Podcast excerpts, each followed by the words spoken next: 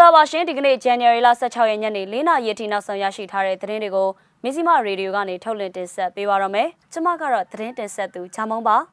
။ကော့ကရိတ်တောင်ဘက်မှာတိုက်ပွဲပြင်းထန်ပြီးနှစ်ဖက်ကြဆုံမှုတွေရှိနေပါတယ်။မြောင်နယ်မှာတော့ NUG ထောက်ခံပွဲနဲ့ပြည်သူ့တပိတ်ကိုပြည်သူ့ကာကွယ်ရေးတပ်တွေရဲ့ဝန်းရံမှုနဲ့ပြုလုပ်နိုင်ခဲ့ပါတယ်။တန်ရန်မြို့နယ်မှာစစ်ကောင်စီလက်အောက်ခံပြည်သူစစ်ကလူသစ်စုဆောင်းမှုတွေလုပ်နေတာပါဒီသတင်းတွေနဲ့အတူ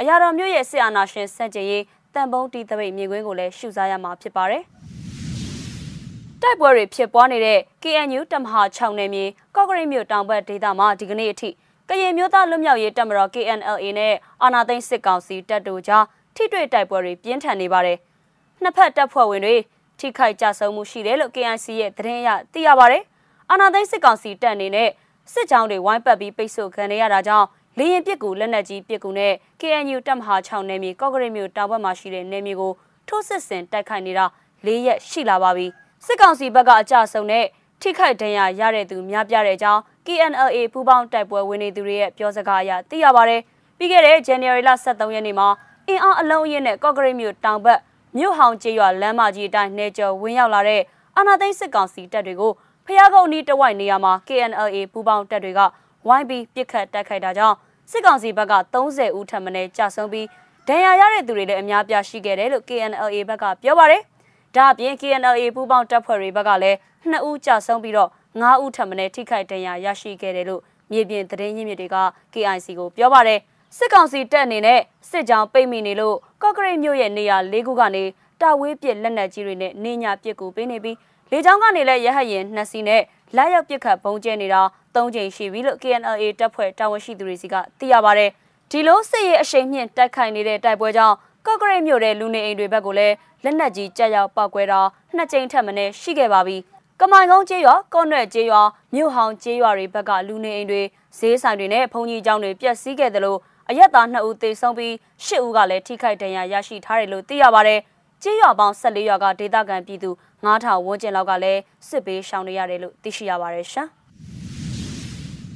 NUG ထောက်ခံပွဲနဲ့ပြည်သူ့တပိတ်မြောင်ကိုဒေသခံကာကွယ်ရေးတပ်ဖွဲ့ရဲ့ဝန်းရံကာကွယ်ပေးမှုနဲ့မနေ့ကကျင်းပနိုင်ခဲ့ပါတယ်။ NUG အစိုးရကိုကြိုးဆိုထောက်ခံပြီးပြည်သူ့ကာကွယ်ရေးလုပ်ငန်းတွေကိုတွင်တွင်ကြဲကြဲလှုပ်ဆောင်ပေးစီလိုတဲ့ရည်ရွယ်ချက်တွေနဲ့အခုလိုလူလူတပိတ်လုပ်ပြီးချီတက်ဆန္ဒပြခဲ့ကြတာပါ။အဲ့ဒီတပိတ်မှာတော့မြောင်နယ်ခြေဆက်ပြည်သူ့ကာကွယ်ရေးတပ်ဖွဲ့၁၁ဖွဲ့က လုံခြုံရေးလိုက်ပါဆောင်ရွက်ပေးတာကြောင့်မြို့ပေါ်မှာစစ်ကောင်စီတပ်သားတွေရှိနေတဲ့ကြားကပဲအောင်မြင်စွာကျင်းပနိုင်ခဲ့ပါတယ်။ဒါအပြင်မြောင်မြို့နယ်တဲကကျေးရွာတွေတဲကိုလည်းစစ်ကောင်စီတပ်ကစစ်ကြောင်းထိုးပြီးဝင်ရောက်တက်ဆွဲတာတွေခက်စိတ်စိတ်ပြုလုပ်နေတာပါပြီးခဲ့တဲ့ January လ17ရက်နေ့မှာမြောင်မြို့နယ်နဘတ်ကျေးရွာကနေအိမ်6လုံးနဲ့73ရက်နေ့မှာတော့ဆွဲလက်အိုကျေးရွာမှာရှိတဲ့ပြည်သူတွေရဲ့နေအိမ်73လုံးအပြင်ပြည်သူပိုင်ပစ္စည်းတွေကိုလည်းအကြမ်းဖက်စစ်ကောင်စီကမိရှို့ဖျက်ဆီးခဲ့တာဖြစ်ပါတယ်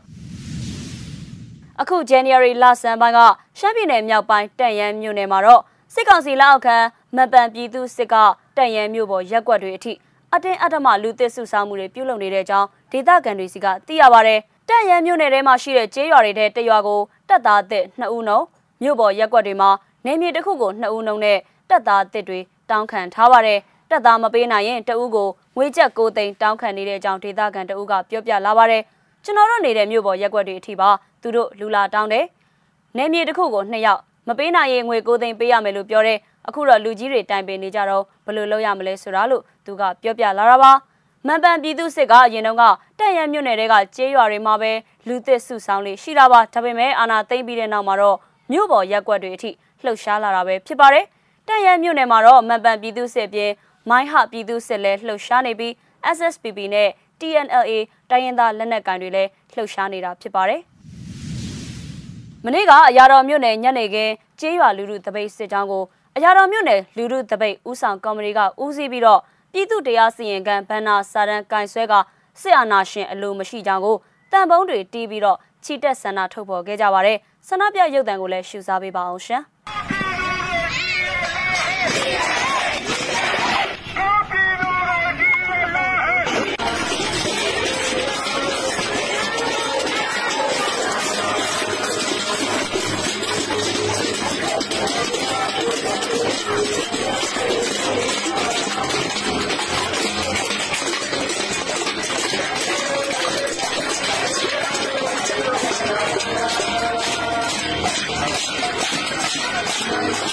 三二一走你的光荣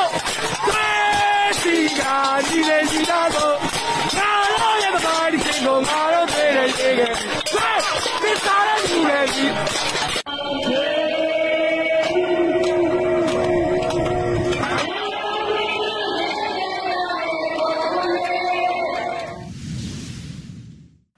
ရဲ့ဘာဒီစင်ကိုငါတို့တွေ့ရရေးခဲ့သွေးသစ္စာနဲ့ညီနေစီမဇ္ဈိမရေဒီယိုရဲ့ညနေ၄နာရီထိနောက်ဆုံးရရှိထားတဲ့သတင်းတွေကိုတင်ဆက်ပေးခဲ့တာပါစောင့်မျှော်နားဆင်ပေးခဲ့ကြတဲ့အတွက်ကျေးဇူးတင်ပါတယ်ရှင်